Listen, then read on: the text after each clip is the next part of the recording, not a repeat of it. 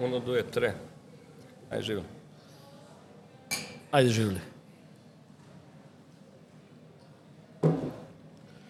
Poštovani gledalci i slušalci podcasta Priče u nama, jedna specijalna epizoda večeras za vas. Večera se nalazimo u pivari Dogma u Beogradu, a čiji je vlasnik i jedan od tehnologa čovek sa područja Istočne Srbije, naš Majdan Pečanin, Vladimir Stojković, Faški.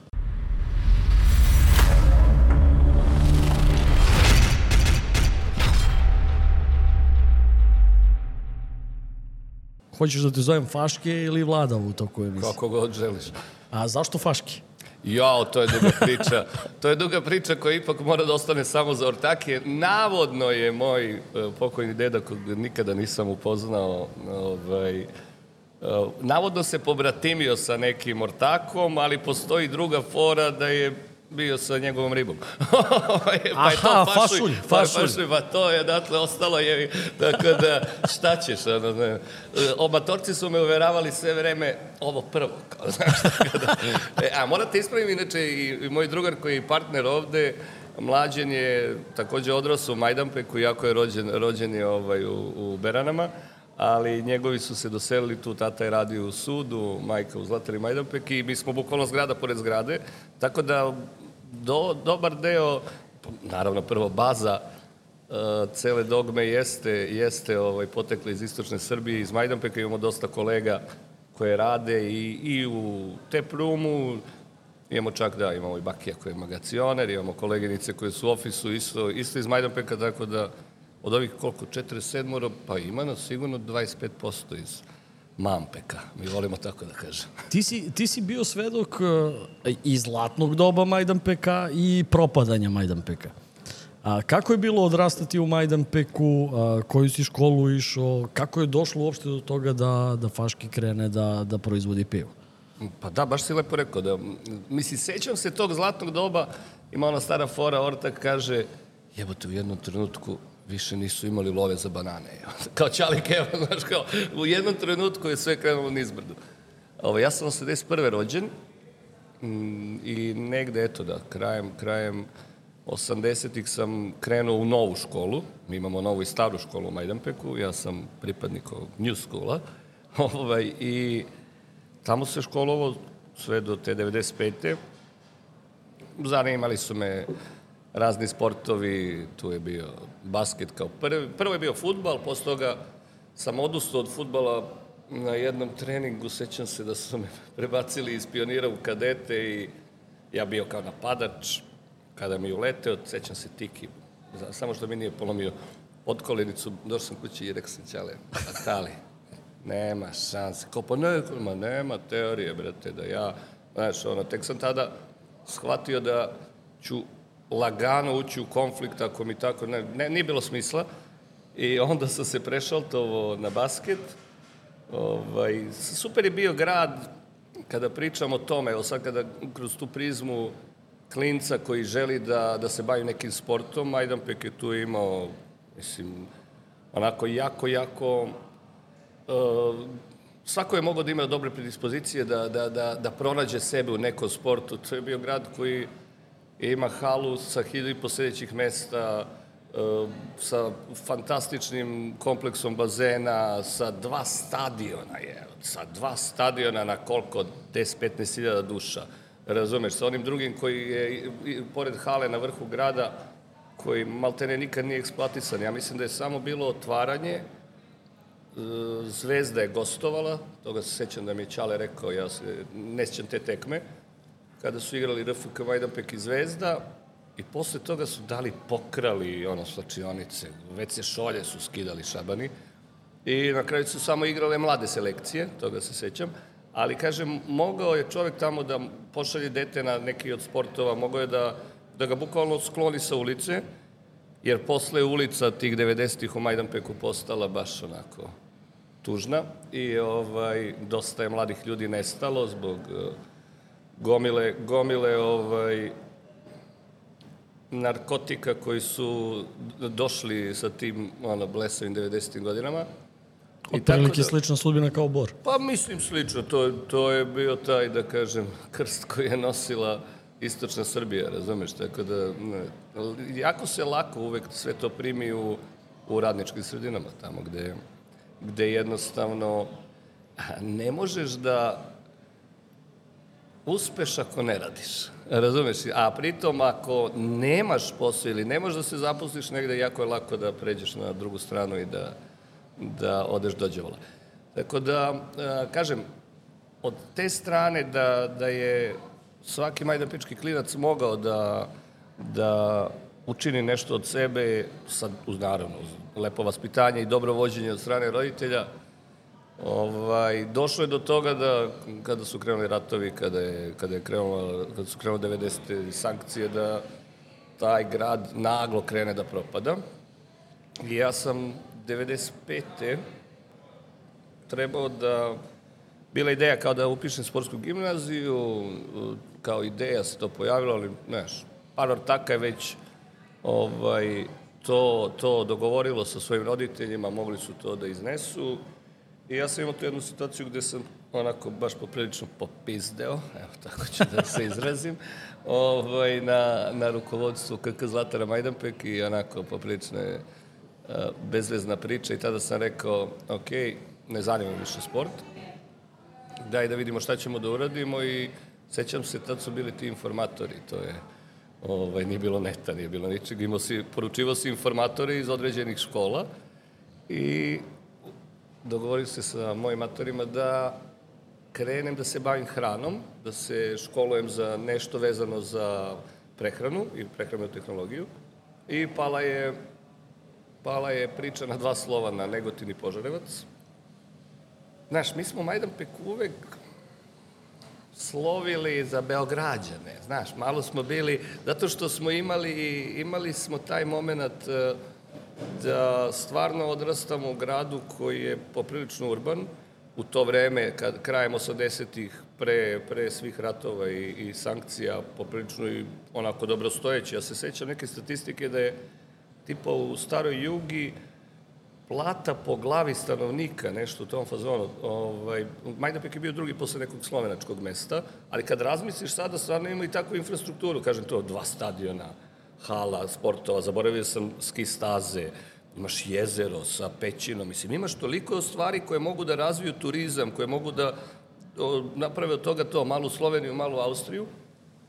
I kažem ti, mi smo uvek bili, ne znam, nekako mi je bilo što je vreme dizelaštva ovaj, i, i mnogih zala u Jugoslaviji i Srbiji, a ja bio mali grandžer, ono, volao sam Pearl Jam, Stone Temple Pilots, Nirvana, znaš, Alice in Chains i nekako, i bilo mi ono kao, va, ajde ipak Negotin, i upisao u Bukovo, srednju poljoprivrednu i odatle je sve krenulo kada pričamo o svemu ovome sada, o, o prehrambenoj tehnologiji, o kasniji proizvodnji piva, pre toga i, i radu u jednoj destileriji. Tako da, posle sam iz srednje škole samo nastavio ka, ka fakultetu koji je ovde u Zemunu. A nekoliko stvari povezuje tebe i mene u smislu ne piva. E, Ja sam... Pa piješ pivo, kako Pijem ne? A, pivo, dobro. ali, ali a, inženjer sam metalurgije, a, radio, radio sam u, u RTB Boru i Ziđinu sam radio, 10 godina sam radio u topionici u Boru. A, sa, sa druge strane, studirao sam dok sam studirao, živao sam u Zemunu. Tako da, da znam taj kraj dosta dobro. A, upisuješ poljoprivredni fakultet u Zemunu i a, koliko sam ja uspeo da se informišeš, informišem, nije ti, nije ti prvo zanimanje bilo vezano za pivo. Nije, nije, da, to, to sam im pomenuo sad u prošloj rečenici, ali da uradim ja digresiju, ono što, ovaj, što je bitno meni i što mi je pomoglo i meni mom burazeru jeste što su Ćale i Keva ono, hardcore šljakeri bili, Ćale radi u flotaciji, a mama je bila ovaj, električar, jedna žena električar na damper kamionima, tako da smo tu dobili tu fajtersku stranu. To, i, to je stvarno redko. I to, pa ne, ovo je, mislim, snimali su emisije, znaš, sa, sa kaverom ona radi u rudniku i živi nije lako. Ovaj, tako da da, tu smo, tu smo dobili taj, taj moment gde, gde jednostavno verujemo u sebe, znaš, nemamo ništa iza nas, ono, na vetrometini smo, ali zato se negde gradimo i i teramo dalje, jer jednostavno nemaš gde da se sakriješ kad si na vetrometini. ovaj, I moraš da ideš napred. Tako da, to je bilo to, a što se tiče poljoprivrednog faksa i kasnije prvog zaposlenja, da, ja sam diplomirao na pivu, na tehnologiji piva i slada na toj katedri, pošto kada smo mi studirali, još nije došla Bolonja, još e, nisu bili fragment, nije bio fragmentisan taj veliki smer koji je koji je bio, bio naš, ta, e, imali smo prehranu tehnologiju, ali podeljenu na dva smera. Prehrana tehnologija, e, tehnologija namjernica animalnog porekla, to su mesari, mlekari i, i cela ta ekipa, a mi smo bili tehnologija namjernica biljnog porekla. I tu smo imali fazon 12 tehnologija. Tehnologije žita, ulja, duvana, konditora, pa sve do ovih alkoholnih Kao pića. i na mom fakultetu, da. ja ne znam koliko je smerova na mom fakultetu da. isto. Sada je, sada je četiri primjera. Sada je na poljoprivrednom, uh, ako se ne vram, da, vrenje i konzervisanje, uh, kontrola kvaliteta, možda ovaj, uh, ovaj, um, to ulje, brašno i tako, to je sa četvrto ne mogu da se setim. Ali ono što, što sam da ti kažem da smo mi negde bili zatrpani raznim e, predmetima i tehnologijama koje uopšte nisu labave i koje nisu takve, znaš, do, ne znam, kraja druge godine fazon 6 hemija, od analitičke, organske, neorganske, fizičke hemije, više ne mogu ni da, ni, ni, ni da popamtim sve. Tako da je jako bilo bitno da negde imaš ideju čime ćeš da se baviš. Ja sam želeo da diplomiram na, na tehnologiji piva i želeo sam da se bavim pivarstvom još od, o, ideja mi je bila još od kraja kraja osnovne škole da ću nešto da uradim vezano za pivarstvo, ali u tom trenutku kada sam ja diplomirao, imao sam, sećam se, farmakodinamičko dejstvo, farmakodinamičko dejstvo lekovitog bilja u, u napicima sa pivom, nešto u tom fazonu. Sa četiri biljke sam radio neke tinkture i, i mešao ih sa gotovim pivom. I želeo sam da se bavim pivarstvom, a u to vreme kada sam istraživao za taj rad, već je net postojao, lepo je radilo sve to, tada sam skontao šta se dešava u Americi, šta se dešava u Evropi, ali posebno u Americi, s obzirom da je, je ovaj taj takozvani root beer, pivo sa lekovitim biljem, negde onako dobilo na popularnosti u Americi, uz to mi se ukačilo kao craft pivarstvo u to vreme Sierra Nevada, Dogfish Head i i Stone i tako neke velike, velike kraft pivare, koje su, sve su sad i dalje nezavisne, ovaj, još uvijek ih nisu zavaljali. I tada mi je crv proradio, ali po završetku faksa nisam, nije postojala jednostavno scena kraft pivarstva. Postojalo je par zanatskih pivara, kolege koje uvek moram da pomenem, Livius iz uh, Kruger i Brenta, koji je krenuo čovjek sredinom 90-ih i bili su tu drugari iz Black Turtle-a. Oni su krenuli tu negde, da, oko, oko 2000, ja mislim. I ipak oni su bili, to su bile male firme, nisam ja mogao da razmišljam, nisam imao tada ni kontakte da, da, da sada dođem porazgovaram sa njima i zatražim posao. A kako je ovaj, trebalo da se radi i privređuje i zarađuje, odmah sam prihvatio poziv jedne destilerije, destilerije Perun, i od negde 2009. do 2014. sam se bavio proizvodnjom srpskih voćnih rakija i likera kasnije. Tako da, I onda sam iz te priče ušao u pivarstvo. Šta znači voćna rakija? Jer tu mi je... Uh, voćna stalno... rakija, ne, ne, voćna rakija ti je kao kategorija, voćna rakija je destilat, to je od šljive... de, destilat, destilat do, dobijem fermentat, destilacijom fermentisanog voća. Ćao. Znači, prosto je sve. Ne, sve kod, kod nas imaju ljudi običaj da šljivu izdvajaju iz kategorije kao ma je, imaš šljivu, a šta imaš od voćnih rakija? Ne, ne, ma to, to je, ali to je, mislim, to ti je opet pitanje, pitanje edukacije i pitanje toga da ljudi malo um, brkaju frogs and grandmothers, što bi rekao Drašković. ovaj, razumeš, tako da, to je sad samo, samo pitanje, znaš, to ti isto kao kada, evo sad, plastično da vam objasnim, i dalje, iako je ova kraft scena kod nas, scena kraft pivarstva poprilično razvijena, i dalje ljudi, um, ajde žargonski ću da se izrazim, tripuju da, da da je kraft pivo jednako ale pivo. Uh -huh. A ale pivo je jedno od dve glavne porodice piva. Imate lagere imate ale-ove. Razlikuju se po tipu kvasca, e, temperaturi fermentacije, vremena odležavanja, tehnikama e, suvog hmeljenja e, ili generalno hmeljenja, whatever. Međutim, kraft pivo je jednako i kraft lager i kraft ale. Tako da to su neke stvari gde ljudi sebi daju malo oduška i kažu šta ima šljiva? Daj mi neku voćnu rakiju. šta je šljiva, brate? Nije, ono, ne znam, žitarica. Tako Ali... da to je glavna fora. Da. Tu uh, odličan si mi šlagvor dao za, za sledeće pitanje. Šta je uopšte kvart, uh, kraft pivarstvo? Kraft pivarstvo, zanatsko pivarstvo. Kraft jednako zanatski sad. E, ja sam u vreme kada, kada sam krenuo da se, da se ne zanimam, nego već bavim, bavim ovaj, kraft pivarstvom, prvo kroz Majnec kao, kao pub na Dorčulu koji smo nas trojica drugara iz Majdanpeka otvorili, a kasnije kroz eh, dva festivala koje, koje smo organizovali prvi 2015. u galeriji Štab tamo kod Brankovog mosta, drugi na Dorčev placu 2016.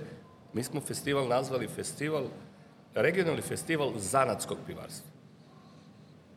Samo da bismo ljudima približili, približili da je kraft jednako zanatsko. Međutim, mislim, imali, imali smo mi do, dobru scenu par puta tu u, u, okruženju Hrvatska-Slovenija i prilazi mi jedan novinar večernjeg lista i kaže, gde je Faške? A to je Faške, ja? Faške, ti znaš da si ti prvi koji je, od kad postoji ova nova kraft scena kao u, u Jugoslaviji, izgovorio zanatsko pivo. Kao, to je sjajno, kao, znaš, svi su, jer, evo sad, kad, kad gledamo serije na, ne znam, HRT-u ili negde, ranije, Hrvati nikada ne prevode e, imena, ne prevode engleske reči, već ih stave pod navodnike, o, pod navodnike sa crticom, razumeš? Oni bi stavili, kod njih bi stajalo kraft, craft piva, razumeš? Tako da, ili, ili craft beer. To i kod nas postao sastavni deo kulture. E, da. Lajkovi, Tako šerovi. Da, da, da, da, ma mislim, ovo, to je već, to je već, da, to je već e, nešto, nešto ovaj, o čemu će se pisati knjige, ako nisu ispisane. Ili iskucati knjige, kako god. Ovaj, u svakom slučaju, mi smo krenuli da pričamo o zanatskom pivu, ali se opet uvrežilo to da je to kraft. Tako da nema šta, zanatska proizvodnja, mala šarža, ta mala šarža može da bude a mi možemo mi, da, da u kraft pivarstvo naravno podvedemo podvedemo i, i home brewing ili ti kućno pivarstvo, ali kad pričamo o profesionalnom uh, zanatskom pivarstvu, odnosno kraft pivarstvu, to je šarža od nekih 150-200 litara u kuvanju, pa do, u našem slučaju, 2000 litara po kuvanju. Gde se jednostavno radi sa vrhunskim sirovinama, gde se poštuju postulati starih pivarskih škola, ali naravno sa primjenom savremenih tehnologija i to je to. Znači, mogo bi da kaže, kad bi, bi trebala jedna, jedna kovanica, rekao bih mala šarža, tačka.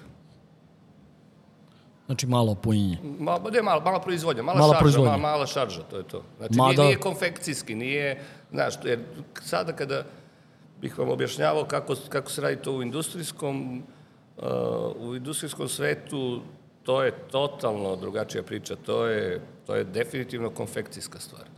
A to je, to je nešto što sam teo i da te pitam uh, vezano za razliku u kvalitetu industrijskog i zanatskog piva, razliku razliku u kvalitetu sastojaka koji idu Sastojci su jednako kvalitetni, s obzirom da te velike firme rade sa ozbiljnim dobavljačima. Nije to šala, nije to sada da mi kao devalviramo to da je sad ono, ne znam, ja, kakva ti je kućina, kakva ti je kućina, mi pravimo zlato. Ajde, ajde možda sam se, da, da. možda sam se loše izrazio, ne, nisi, ali imam, da. imam, imam utisak, pošto smo iz Zaječara i imamo pivaru u Zaječaru, uh -huh. ja imam utisak kako, kako dođemo do nekog, ajde da kažemo, godišnjeg doba pivo Zaječarsko se menja. Nije isto. Pa dobro, to ti je zato što je konfekcija, zato što je to svetski konglomerat i zato što svi ti ljudi rade na osnovu nekih brojki, zato što jednostavno e, Pare. fluktuacija, fluktuacija tog pića, ne, namerno ti formulišem sve kako treba, zašto je fluktuacija tog pića i, i obrt e, tokom letnjih meseci mnogo jači i zato oni rokaju i zato menjaju i zato je kvalitetnije piće, definitivno, kad odeš sad u neku kafanu u, u, u sred zime i tražiš točenog zečarca, sigurno je kvalitetnije napravljen nego leti. Mislim, to je, mi ne možemo to da, i, i mene ni ne zanima da tvrdim to. Ja samo mogu da kažem moje viđenje i na osnovu moje senzorike, jer ja pijem industrijska piva, nisam, što bi rekli, onaj beer snob, odnosno pivski snob, kao, ne vrte, neću to, ne vrte, kad sam negde i pije mi se pivo, popiću bilo koje pivo, a popiću ga opet i s druge strane, što zbog nauke, što zbog biznisa. Opet da razmislim, da vidim šta se tu i kako dešava. Ali glavna, glavna razlika između krafta i industrije jeste to što ovde ljudi unose sebe celog. Ovde ljudi koji, koji se bave kraft pivarstvom generalno, svuda u svetu, neko više, neko manje naravno, unose sebe celog sada. Neko unosi romantizam koji nosi u sebi, neko unosi znanje koje je steko tokom, tokom života, neko unosi energiju koju nosi. Tako da, to su sada sve, da kažem, delovi, delovi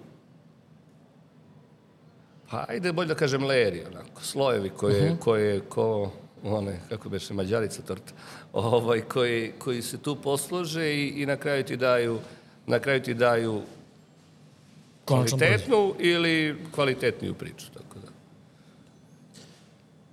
A, vezano za, za dogmu, kada, kada nastaje dogma? Dogma u, u mojoj glavi nastaje davno, da, ali 2016 krećemo da kuvamo prvo pivo 20. jula, ali pre toga negde septembar, šesti ili sedmi, nisam siguran, pazi, sedmi je rođendan Zaječarski, ali nisam siguran da li su me operisali 6. ili 7. septembra 2015. imao sam operaciju krajnika i, i, i grla ovaj, u Zemunskom, u Zemunskoj bolnici i tada je moj partner i drugar mlađan došao pred put za Ameriku i rekao je radimo pivaru, nema frke, ispred bolnice smo sedeli, brate. Ja u pidžami, em sam ono, unezveren što me sutra operišu i prvi put me uspavljuju i ne znam da ću se probudim, ono, paranoišem se, brate. I em što mi on dolazi i kaže, yeah, radimo pivaru, uh, nema frke, poručuje opremu, brate, nisam kuntao, ono, umesto da budem prvi na tom programu pod navodnicima da me operišu, ja sam zadnji bio, jer nisam spavao sad tipa možda, znaš, nisam od uzbuđenja, od frke, od svega. Pritisak mi je bio haos, pa su me ovaj, nakljukali bombonicama i na kraju sam, na kraju sam ovaj, bio poslednji na, na rezanju i negde u novembru registrujemo firmu i krećemo da poručujemo opremu i 20. jula 20. jula nam je oficijalni rođendan, evo, ove godine slavimo sedmi, imate pozivnicu, nemoj da vas ne vidim ovde. Ovo, pošto će biti dobra žrka, bila je i svake prošle godine. Mislim, 2020. samo nismo slavili. Pa da. U korone? Pa da, ali 2020. je bilo. 2021. jesmo. Mislim, da, da, to je bio peti, da, da, jesmo, da. Tako da 2016. 20. jul je day one. A opremu? Oprema je uh, poručena, u to vreme je sve bilo iz Srbije. To mi je bila ideja da, ovaj, pričao sam o tome nekoliko puta, da jednostavno dobijem neki trio, opet ono kao tri prsta, da dobijem, da dobijem, ovaj, da dobijem uh, dobar proizvod, brz servis, ali dobar proizvod po jako dobroj ceni, znači, jer za ovakvu opremu Nemci, Italijani šure, ono, više ti prodaju ovaj, ono za bubrege, no, no što stvarno, znaš, baš, baš tu, tu znaju Prodaju da budu... brand i znanje. Ma da, ali mislim, brand i znanje, ali stvarno nema potrebe za tim tolikim. Okej, okay. za neke high class, high class ovaj, proizvođače koji su Ferrari u, u, u celoj toj priči, skidaš kapu, jer, znaš, kada vidiš taj var, kada vidiš kako to izgleda, Mislim, znaš, to je to. I tata bi sine, ali znaš, ovaj, jednostavno gledaš koliko možeš da se ispružiš i a, sve je bilo, kažem, vezano, sve, sve vezano za opremu je bilo iz, iz Srbije i tada smo čekali, mislim, mi bismo krenuli i ranije da nam, ne znam, parni kotao nije kasnio dva meseca, ali to je bila opet ta druga strana medalje, jer sam želeo da radim sa srpskim firmama, a ovde smo naletili na neke old school motorce od 7,5-8 banki, ne znam zašto nisu ljudi otišli u penziju u to vreme već. Ovaj, I tu, je, to, tu, tu smo izgubili pod navodnicima dva meseca. I sve, sve je stiglo tako, polovinom jula i odmah smo krenuli da rokamo. Tada smo imali tek dva fermentora po 2000 litara, iako je bilo poručeno da da sukcesivno dobijamo 16.000 litara, da nam to bude sta, sta, stalni, ovaj, oprosti, startni kapacitet za, za uh, fermentaciju. I eto, dogurali smo sad do 68.000 litara mesečno.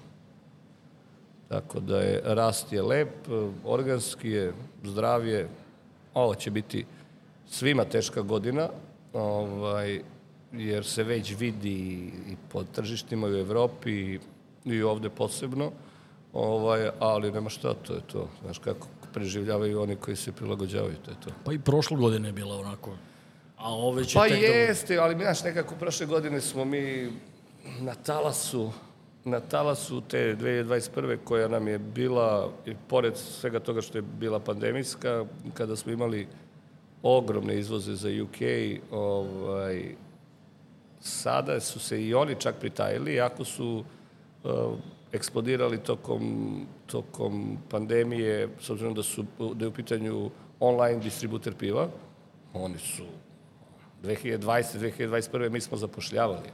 Mi ni jedan otkaz nismo dali. Razumeš, to, to je suludo. Kada razmišljaš o malom biznisu kakav je naš, Znaš, svi su nešto sekli, svi su, ne, znaš, pedalirali ljude, brate. Mi smo zapošljavali zato što je, aha, pojavio se Batica, hoće da uvozi te i te količine, znaš. Mi smo početak prošle godine dva meseca radili za njih.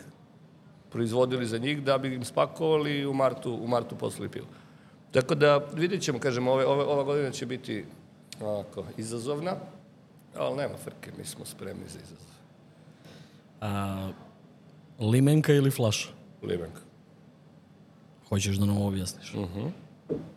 Limenka, kada je kraft pivo u pitanju, znači uopšte nije ono, znaš, nije, nemam akciju u ball packagingu, ne radi mi niko od rođaka tamo, Ove, svi ovi ljudi sa kojima sarađujemo su postali drugari, ali limenka za kraft pivo je mm, materijal, odnosno pakovanje koje ga dodatno štiti zato što ova piva nisu pasterizovana, nisu filtrirana i dalje imaju određeni... To ćeš posle da mi objasniš, o- sve šta znači. Da, da, da, imaju i dalje određeni, određeni život u sebi, odnosno taj kvasac koji je umiren, naravno, skinuto je što više, više, ovaj, ovaj Miss Queens je sada opalescentan, iako nije filtriran, ali to rešavamo tako što tehnološki ovaj, u samom procesu obaramo taj kvasac, vadimo ga, bla, bla, bla.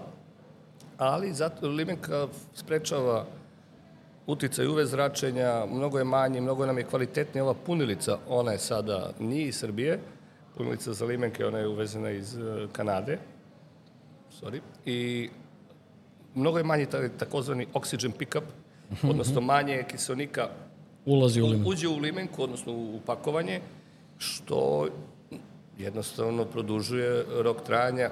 Kiseonik je najveći protivnik Svega. piva. Pa dobro, piva. Ovde konkretno za pivo, znaš, kod vina zna da ti bude e, ok kada imaš neku mikrooksidaciju u odležavanju piva u buradima. Kod jakih pića ne pravi, ne- ne postoji toliki, tolika, tolika muka, ali pivo je nakon mleka kao napitak najnežnije, da kažem.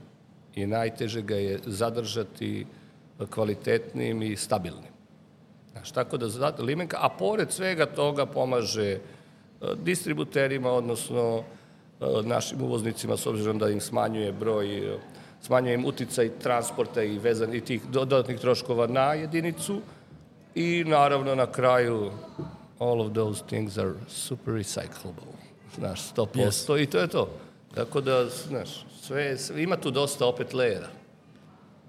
Koji je deo trenutno vaše proizvodnje ide na izvoz? Ove godine, prošle godine je bilo negde oko 30, 30 nešto posto. Kažem, 2021. je znalo da bude u jednom trenutku da bude 60-40 za izvoz. Na kraju je bilo tako oko 60 Srbija, 40, eh, 40 izvoz. I meni je ideja, baš zbog svih tih trendova u svetu, evo, pre, dok, dok, dok ste me čekali ovde da, da počnemo, imali smo razgovor sa našim čovekom iz Južne Karoline, uvozi oni industrijska piva, pokreće to, ali hoće da ubaci paletu ili dve dogme. Znaš, to, mislim, vidjet ćemo. To je sada priča koja meni Amerika uvek onako veliki izazov kad je kraft pivarstvo u pitanju zato što je jaka scena, zato što se ljudi okreću tome drink fresh and local. Uh, međutim, ovde ćemo ići na tu varijantu da, naša, da, da čovek kroz uh, naš community tamo krene da predstavlja brend, pa ko zna, mislim, možda uradimo na kraju i tamo contract brewing da, da tamo kuvamo pivo i da, da mislim, to su sada sve varijante kako, kako se radi. Ja naredne nedelje idem za Australiju, Prvi ja put idem tako daleko, da. Ja, ja sam no. radio za, za Australijance, radio sam na, na nekim e-komercima i to je, znači, kad stoji Made in Australia, to je 30% bolja prodaja nego sve drugo. Pa jes, pa dobro, mislim, to je. Lokal ne, patriotizam. Pa dobro, pa ali to je, mislim, znaš, Australija je jebate kontinent, no, mislim, nije, nije to sad, isto kao kad razmišljaš o Americi, pa znaš, kao... ali nemaju oni nešto mnogo stanovnika, ti kad Pa pogledaš... znam, okej, okay, ali, ali opet se razvija to, to raste, je. Jeste. To raste, mislim, znaš, ta, i, i, ne, meni je sad kad znaš, pričaš o Americi, kao ljudi misle kao Amerika. Ne, brate, kontinent. Znaš, Sjedinjene američke, znaš, gomila ono, raznih ljudi, e, raznih e, navika, raznih kultura i tu se sad, mislim, ali to je opet tlo gde svako ko, ko radi i ko ima dobar proizvod može da se pronađe. Ali, kažem, sledeće nedelje ta Australija, tamo kuvamo pivo sa našim drugarima iz Sidneja, obilazim neka hmeljna polja u saradnji sa firmom Bar Has koja nas, koja nas i šalje na putovanje, koja nam ovde, koja nam je glavni diler hmelja ovaj, kod nas u Dogmi. I tamo gledam da pronađem ili nekog u našem community u okolini Melburna ili da nađem uh, nekog distributera koji bi otkupio pivo koje bih tamo skuvao. Jer izvoziti tamo nema smisla. It's too far. Sve ovo je, znači, mi smo izvezli Japan, izvezli uh, Emirate, kada pričamo o tim najdužim uh, putovanjima, sad će biti ta Amerika, Ovaj, s tim što je ovamo za Japan i za, i za Dubaj išao po ceo kontejner i to je onako, znaš, dobar i cash flow, impact za cash flow, dobre priča zato što može da se da se razvije, zato što ti distributeri mogu da rade na razvoju brenda, ali glavna fora je za tako daleke za tako daleke da destinacije, naći da... tamo, naći tamo, kuvati tamo i naći distributera koji će to da otkupi i baviti se prodajom, a mi da odavde radimo mi da odavde radimo marketing. U, u suštini ja mogu da ti dam neke kontakte naših ljudi u Australiji, pričat ćemo, tako da pričat ćemo. Hvala, to, to, možemo, to možemo da pričamo. A, ajde sad, uh, rekao si kuvanje piva. A, mene zanima da, da onako gledalcima a, ceo proces proizvodnje piva pred očima kako nastaje pivo? Prvo moraš da istripuješ recept. Se. Mislim, kod nas, kod nas to, kada pričamo o, o momentu vezanom za kreiranje recepta, ja sam neko ko, ko aj što komuniciram sa, sa dosta, dosta ovaj, drugara i kolega sa raznih meridijana, dosta i pratim e, što svetskih trendova, što uh, istražujem koji se pivski stilovi ne kuvaju više, koji se ne proizvode, pa čisto da tu uhvatim, da uhvatim ovaj, uh, primjer, evo, kuvat ćemo uskoro Oyster Stout. Oyster Stout je crno pivo, odnosno stout, slash za ljude koji ne znaju šta je stout, Guinness vam je naj, najpopularniji predstavnik stila, ali s ostrigama, brate. I to se kuvalo u, u Engleskoj, na, u UK-u, odnosno, i, znaš, to je bio stil koji je bio jako popularan. Među kraft pivarima znam u Engleskoj par nekih drugara koji, koji kuvaju to, ali, znaš, kuvat ćemo to ovde pa da vidimo. Ja sam veliki fan Ostriga, zašto da ne? Znaš, mislim, to će biti pivo koje će biti slankasto, imaće taj umami moment i, ne, naći će svog kupca na kraju krajeva, ne sumnjamo to. Ali ja negde dođem s idejom šta kuvamo, javim uh, Nemanji, našem, našem ovaj, glavnom pivaru ili ti kako se kaže na engleskom, head breweru i glavnom tehnologu. Kad si rekao da sam tehnolog i jedan od zaslu, najzaslužnijih za pivo, jesam tehnolog, ali se ne bavim ja, ne bavim se kuvanjem ovaj, eto koliko, šest, i po, šest godina. Od nekih šest meseci prvih dok, dok Nemanja nije, nije počeo da radi kod nas. Gde si u ovaj, sad sam eksport i organizacija proizvodnje. Okej. To mi, mislim, i ono, nadgledanje firme. Mislim, znaš, život firme, šta god, kako god da to zavedem. Ovaj, I dajem Nemanji informaciju šta bih da skuvamo, prolazimo recept, oni, oni kreću, kreću sa pripremom recepta i onda idemo na taj deo. Idemo na deo gde ljudi moraju da shvate, postoje ona pitanja kao, hm, jel u ovom pivu ima hmelja? Jel? Mora da ima hmelja. Ovaj, tu će se vratiti na to. Četiri osnovne pivske sirovine, pivske, pivske sirovine, voda, pivski slad, da li ječmeni, da li pšenični, da li ovseni, da li raženi, zavisno od stila piva i recepture. Uh, ječmeni sladovi se razlikuju od pilsner uh, slada koji je najsvetliji, da kažemo bazni. Postoje kasnije uh, ovi koji su malo više pečeni, ali ne radimo to mi, nego kupujemo određene uh, određene tipove slada i onda ih kombinujemo. Postoji Minhen koji je uh, blago pečen, postoji dosta ovih karamelnih sladova koji su kada ih gricneš, oni su već, to je već da kažem, izmenjeni uh, pivski ječam, zato je slad. Vanja, ajde molim te, fotokopiraj ovde. to je najbolja fora kad sam čuo u Nišu. Kako se kaže istatura, fotokopiraj. Ovaj, ja Če sam iskris, ja sam, će, šta, ti, šta ti piš? A, ja sam pio svetionik. Dobro, ćeš isto se ti? Može. E, Miss Queens, hvala. Ćao, on je ćaone, to znam. ovaj, e, gde sam on stao? Da, pivski slad. E, S obzirom da je pivski slad e, modifikovani ječam, u sladarama se, kažem, proizvodi bazni pilsen, pilsner, onda postoji Minhen, e, postoji dosta tih karamelnih koji su stvarno kada ih gricneš, kada ih bukvalno možda ih klopaš kao, kao ovsene pahuljice. Evo, ne. E, oni su tada već biskvitni, I dolaziš tu do ovih e, takozvanih roasted, odnosno crnih sladova, koji su se 90-ih, e, 90-ih se pržio ječam i mešao se sa kafom u pržionicama da bi, da bi, da bi se dobilo na radmanu i oni su stvarno, ne, oni su, ti sladovi stvarno podsjećaju na kafu, znaš, podsjećaju na kafu, na cikoriju, na, na te, te neke takve elemente i oni se, primjera, kada se kuvaju, tamna piva dodaju u određenom, nije to sad 100% tog crnog, to ne bi bilo pitko, to bi bilo kiselo, to bi, zato što je, što je prženija stvar, to je pH niži, odnosno Ali ima, kiselosti razli, veća. ima razlike između tamnih i crnih piva. Uh, ne, ne, uh, postoji uh, u deklaraciji tamno pivo u, u srpskom pravilniku, pravilniku o deklarisanju, u stvari pravilniku koji je vezan za zakon o pivu, jeste tamno pivo je iznad takozvanih 15 EBC-a, odnosno European. Brewing, da, European, za boju, za boju. European Brewing Color, whatever. E, iznad 15 je tamno i tamno ti je nešto što je sredina. Mislim, ovo što mi pijemo sada je negde boje 12, 13 otprilike. 15 je već 15 je već negde, negde, hvala Vanja, E, 15 je negde već e, naranđasto i to se kod nas u pravilniku vodi kao tamno već, sve do um, crnog, ono, ziv crnog piva koje ne znam na koliko je.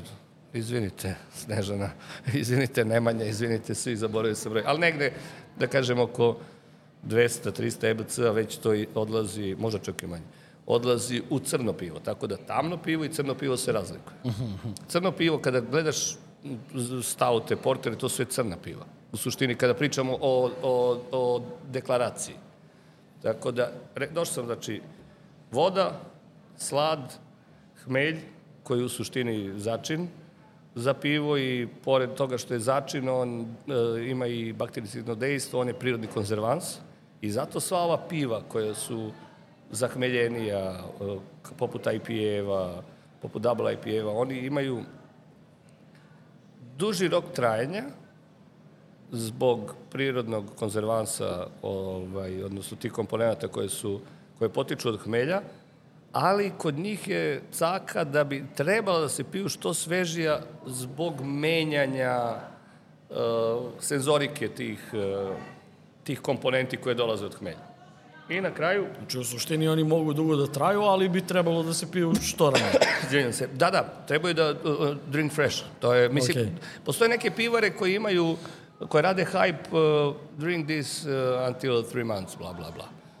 Znaš, mi naša piva čuvamo u hladnim komorama, odnosno u, u, u hlađenim komorama u plusnom režimu i na našoj deklaraciji deklarišemo 12 meseci rok trajanja na temperaturi od 2 do 10. Ja sve, u, to je uvek glavna fora za uvoznike, odnosno distributere u drugim državama, oni koji rade ozbiljno posao znaju da ne treba da im se to kaže, ali postoje evo sada sa čovekom koji tek kreće da uvozi, rekao sam, ok, sad ako uvezeš u martu i taj kontejner pošalješ put Amerike, ne treba ti uh, hlađenje, ne treba ti refrigerated one, ali ako budeš radio nešto tamo maj, jun, obavezno, plusni režim i uh, to je nega proizvoda, to je nega, nega toga jednostavno ne radimo to što, što se radi u, u industrijskom pivarstvu, nema nikakvih stabilizatora, nema nikakvih konzervanasa, nema, nikak, nema, nema filtracije. Iako filtracija nije ništa loše, kada pričamo o kraft pivarstvu, oduzme to dušu, ali pritom pasterizacija i sve to, to bi već, a šta to znači, bi već, to šta bi znači već odnelo. u, u, u pivarstvu a, filter, filterizacija? Odnosno, Filtracija, filtracija. Filtracija. Šta, šta konkretno znači? Šta Da, se ne, dešava sa pivom?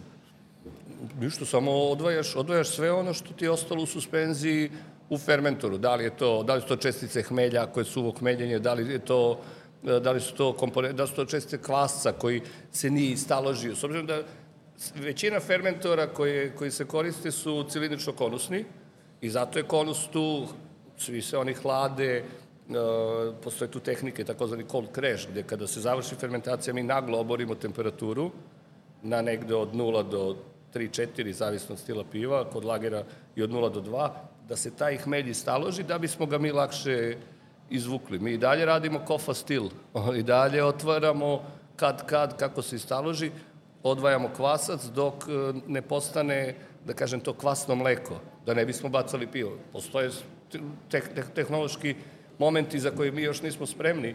Ove, investicijono, u pitanju je takozvana centrifuga, kojom ti izvučeš, iscentrifugiraš pivo, ali ga već uznemiravaš tu, pod navodnicima, malo mu duše oduzmeš, ali em ubrzavaš proizvodnju, em dobijaš stabilni proizvod jer će ti izaći super bistro pivo. To je okej okay za uh, lagere, okej okay za neki pale ale poput eto Svetionika ili Miss Queensa, ali nije baš okej okay za New England IPA-eve koji trebaju da ostanu hazy, da imaju tu mutnoću i takvi su zato što se koristi poseban svoj kvasca, poseban, uh, posebni tipovi slada i ideje da to bude tako punog ukusa. Da se vratim na proizvodnju. Ta četiri, ta četiri, uh, te četiri komponente i onda krećemo. Melje se pivski slad i vrši se prva faza, to je takozvano ukomljavanje. Mešanje pivskog slada, odnosno recepture sada da li je tu ječmeni, 90%, onda e, nešto možda raženog, nešto možda ovsenog, whatever. Meša, meša se sa vodom, kada smo mi u slučaju, mi koristimo gradsku, ali provločimo je kroz reverznu osmozu, skidamo je sve minerale i onda to, e, tu vodu čuvamo u posebnom sudu u sklopu varionice, deo nje grejemo, transferujemo je u, kom, u komovnjak, takozvani sud, gde se vrši ukomljavanje, ali tu vodu prethodno iskorigujemo određenim e, mineralima. A koliko je mit, po- odrasli smo na mitu da Zaječar ima kvalitetno pivo zato što ima dobru vodu. Da li je mit? A nije to mit, to ti je marketinška fora, brate. Dobro. to nije, to, Pa mit? to je, u svakom slučaju, to je fora koju su velike pivare radile dok se nisu pojavili igrači u kraft pivarstvu. Tačka. Ti više ne vidiš e, toliko priče da je, toliko reklama gde se pominje voda podno one planine da me ne tuže posle, pa ovo, pa ono, uvek je bilo ili se priča o najboljoj fucking vodi na planetu, na planeti ili se pričalo o društvu ili pivo bilo za društvo ili pivo bilo e, sa najboljom vodom ili je, znaš, to su bile cake marketiške, da. Svaki, svaka komponenta je bitna. Zašto niko nije pričao o hmeljevima, brate? Zašto je tek e, baš Zaječarska pivara krenula kampanju sa ne znam koliko sladova u njihovom crnom pivu? Pa, brate, toliko sladova mi iskoristimo i za neko svetlo pivo. Ne znam, četiri, šest, ne znam koliko su. Znači, to su, to su, to su sve marketinške fore, ali meni je super, sad je opet digresija, Ljudi, saznaćete kako se kuva pivo, sad ćemo da nastavimo, nego malo letimo. ovaj, e, imaš onu foru, znaš, ti sada imaš, brate, tetovirane ruke sa nekim hmeljem na billboardu jedne industrijske pivare. Hoćeš da, Da, ti kažem gde ste to videli? promenili ste igru. Hoćeš da ti kažem gde ste to videli? Na našem eksportnom katalogu iz 2018. godine. Jer si imao ove ruke i mi smo stavili šišarke hmelja. brate. I meni je to do jaja. Meni je to super. I sjajno mi je, znaš, to ti nekako ti to da u ti- razeru, ma, podigne te Letiš. ono, ma, i- no, izvini, šta, š- oradovan fazon, znaš, odavde, ovaj, znaš, tako da te stvari, te stvari, svaka komponenta u bilo kojoj proizvodnji, ne samo u pivarstvu, u bilo kojoj proizvodnji, ne možeš da istakneš ti ovo, ovo, posebno u pivarstvu. Pivarstvo, te, tehnologija, e, deo, deo, deo vode u, u tehnologiji piva. Posebna nauka. Posebna nauka. Šta ti dobiješ korekcijom određenih minerala, e, e, pH vode, tvrdo... Ma daj. Mislim, to je posebna nauka. Mislim, ja bih da, da se bavim tim, ovaj posebnu knjigu dao ljudima za to. Na kraju, svi omladinci koji rade ovde su i dobili od mene knjigu koju je napisao Amerikanac koja se tiče isključivo um, pripreme vode. I to je fora. Da se vratimo u proizvodnju. Korigujemo vodu zavisno od pivskog stila određenim mineralima, naravno prehrambene, prehrambene, prehrambenog kvaliteta, ovaj, minerali koji se koriste za korekciju vode. Onda mešamo taj samleveni slad sa vodom, ugrejanom, i sad zavisno od opet pivskog stila, zavisno od toga šta želimo da e, proizvedemo, kakve, kakav profil proizvoda želimo da proizvedemo, imamo određeni temperaturni režim na kom ta kaša, ajde da je tako nazoveš, stoji, odnosno odmara, naravno uz konstantno mešanje, gde dolazi do niza biohemijskih reakcija i kao najglavnijeg jeste razgradnja polisaharida, odnosno složenih šećera na prostije, kako bi onaj car na kraju, onaj četvrti kvasac koji je u stvari jedan lenjivac i prdavac, ovaj, pojeo te šećere, kreirao alkohol iz tih šećera i namjerno sam rekao prdavac izbacio CO2 kao nus proizvod e, svoje, svog bivstvovanja i, i svog rada. Nakon tog ukomljavanja ide transfer cele te kaše u jedan sud koji mi ovde u ovom slučaju imamo sud koji je dva u jedan. Inače, postoji bistrenik kao poseban sud. U bistreniku se radi ceđenje te kaše i dobijanje, ajde da plastično objasnim, čaja od slada, odnosno pivske sladovine, koja ide u sud za kuvanje. Nama je u ovom slučaju kod nas je ukomljavanje u istom sudu gde je kuvanje. Tako što ispraznimo to bistrenik, isperemo i onda gravitacijono iz bistrenika, izvinjam se, ide ceđenje u taj sada kuvač, to je sad već sud broj 3 i operacija broj 3 i tada kreće kuvanje sladovine. Sladovina je jako slatka, zlatno do braonkasta tečno, zavisno od tipova sladova koji su korišćeni. I opet, op, zavisno od stila piva, ide kuvanje od 60, 90 za neke, neka jaka piva i poprilično, za, konkretno za crna jaka piva, zna da ide i nekoliko sati. Što duže kuvaš, što duže ukuvaš, jednako dobiješ veću koncentraciju šećera. A To je negde samim prosto. tim posle Sa- dobiješ... Više alkohola. To, Ok, to su ok. sve uzročno posledične ovaj, stvari i nakon, u, u, procesu kuvanja opet postoje različite tehnike, ali tu bazna tehnika jeste da se dodaje eh, hmelj za gorčinu. Kada kažemo hmelj za gorčinu, koriste se tipovi hmeljeva koji nisu super aromatični, ali imaju hmelje po prirodi, gorka biljka. I, i nemojte da se zeznete da vam neko da da gricnete Možete jednu peletu hmelja, ali nemojte da slučajno grunete nekoliko, tražit ćete mnogo vode i neće vam biti dobro. Po završetku kuvanja postoje sada i tehnike gde se pred kraj kuvanja dodaju neke aromatične sorte hmeljeva, ali ono što mi dosta koristimo i što, što nam je pomoglo da dobijemo jako lepu aromatiku jeste sledeća operacija. Kada se skuva to pivo, isključi se, uh, isključi se dovod, dovod uh, toplote. Mi ovde radimo konkretno sve na paru, sa parnim kotlom, nema direktnog plamena, kad, mislim, para je, para je najbolja kada je, kada je uh, to, uh, izvor toplote u pitanju. Onda iz kuvanja transferujemo u Whirlpool. Zašto se zove Whirlpool? Zato što tangencionalno ulaze, ulazi sladovina u taj sud i pravi se vrtlog. A zašto se pravi vrtlog? Zato što će se na centru tog suda, koji, čije je dno pod uh, obrnutim konusom, ali jako malim, od, mislim, 2%, napravi i staložiti sve što se kreiralo kao talog u kuvanju. To je taj hmelj koji je dodat za gorčinu, uh, to su proteini koji su se proizveli tokom uh, razgradnje, u komljenju i kasnije kuvanjem. I ideja je da ti iz tog virpula, kada se sve to smiri, u virpulu uglavnom negde 30-40 minuta stoji, stoji ta sad već ohmeljena sladovina, tako se zove. Ideja je da ti što čistije pivo transferuješ u fermentor, jer je to poslednja, to je predposlednja faza pred, pred uh, slanje na fermentaciju.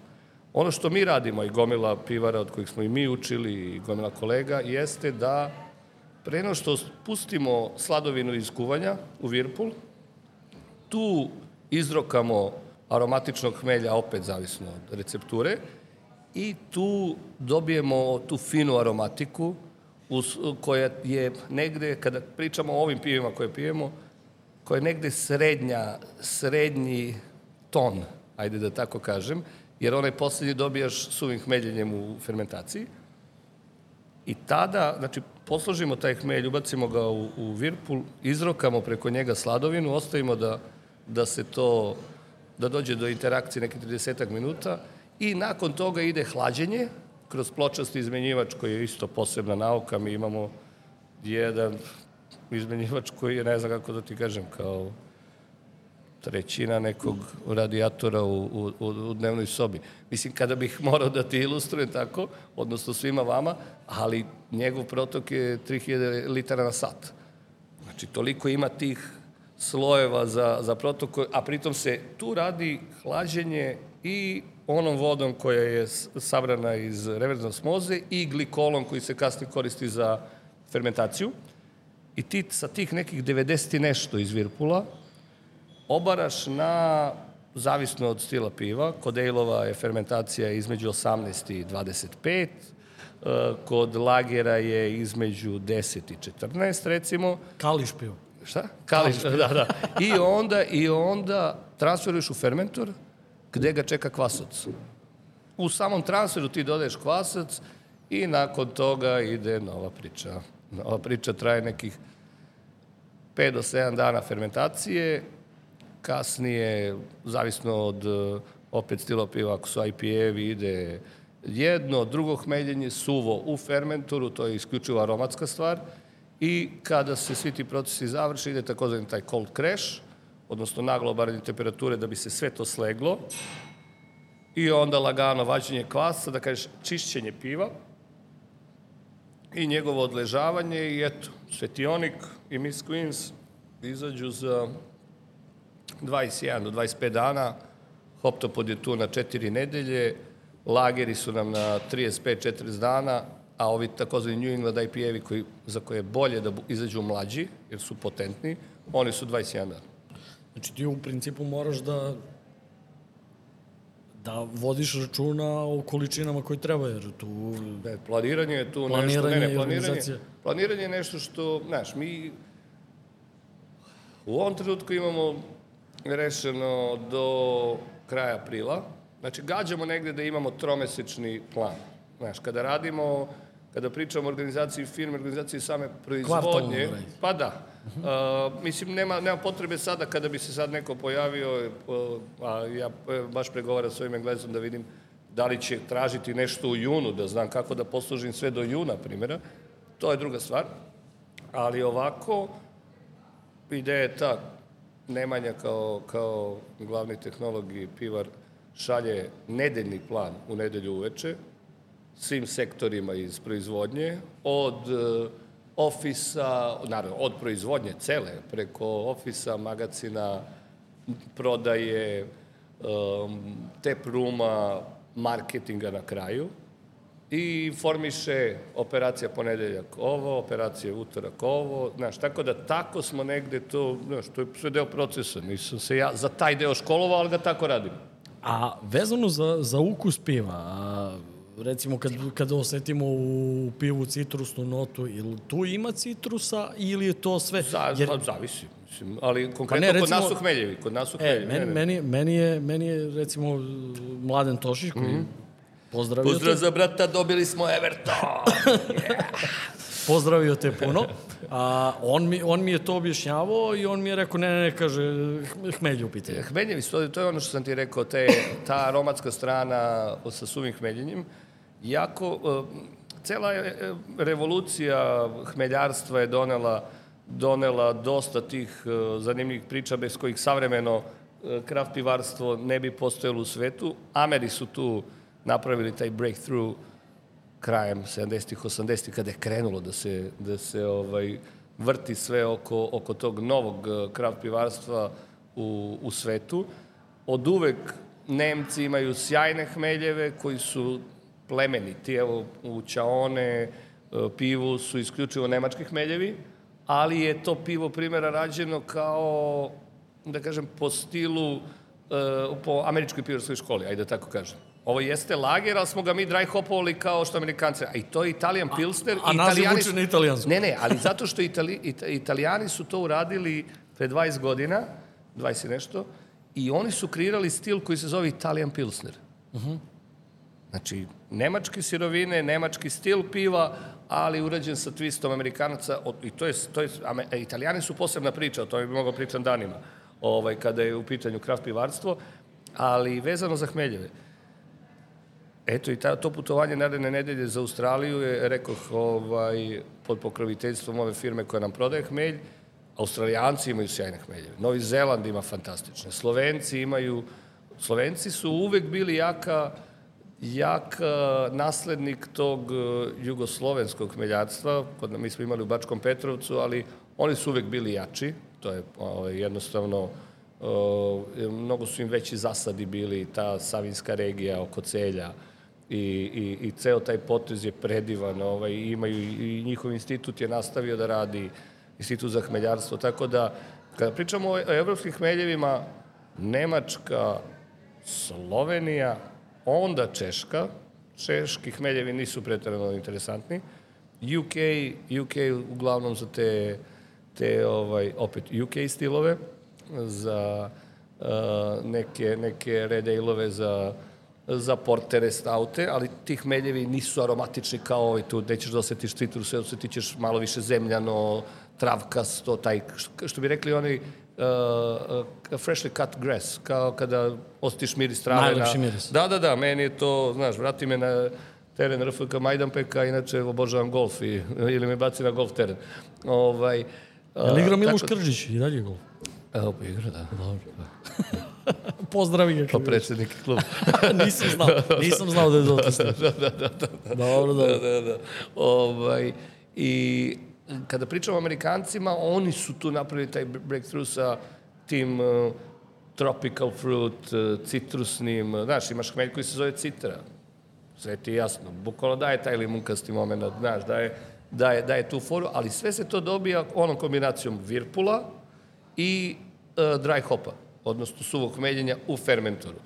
Tako da mi imamo neka piva gde smo dodavali voće, ali to, to su, ne znam, sada sauri kada pričamo o rosemary mintu, to je, to je dodatak voćne kaše zajedno sa, sa maceratom nane, ali kad pričamo o ovim zahmeljenim, jedini, da kažem, hibrid nam je tu albino, koji je zahmeljen poput e, svetionika i više poput hoptopoda, s tom količinom, ali smo dodavali koru naranđe u Virpulu, zato što je to hibrid i White IPA između je Vita, belgijskog Vita, ovaj, e, mo, jebeš reklame, Hogarden je ovaj, predstavnik, e, industrijski predstavnik ovaj, Vita, tako da negde smo htjeli da napravimo IPA i Vita da bude hibrid belgijske i američke pivske škole i napravili smo albino. Tako da tu jedino dodajemo i citrusne hmeljeve, ali dodajemo i koru naranđe.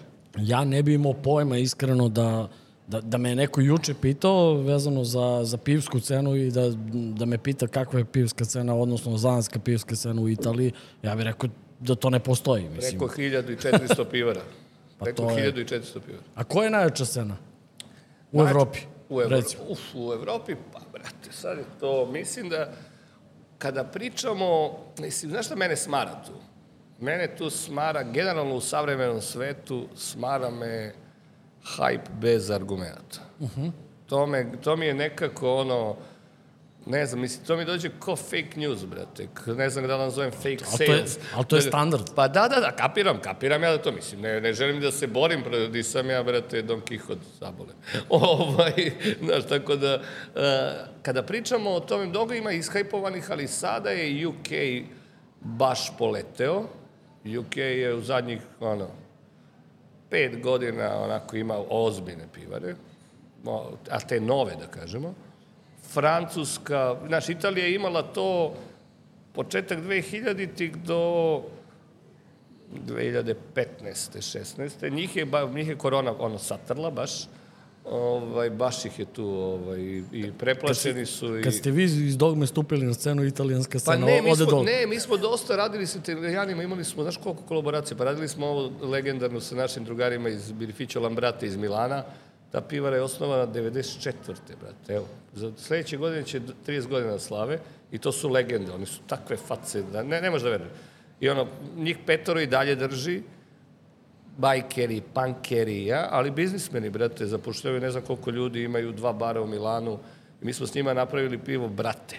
Dogma and Lambrate prezenciju Brate i etikete kao ovaj, pozdrav, znaš. I ja obožavam, meni Italija i mnogo pomogla i mnogo tih nekih kolega koji su me primile tamo da, da vidim sve to, ali njih je, njih je korona ovaj, poprilično sjebala i mislim da je možda i to prevelik broj iako je to velika država, mislim da je to prevelik broj i da je tu došlo do zasićenja na tržištu. Razumeš? Da ja kad odem na neke druge evropske festivale, ja se smorim što ne vidim italijansko pivo, ali su ovi, i pritom skupi su.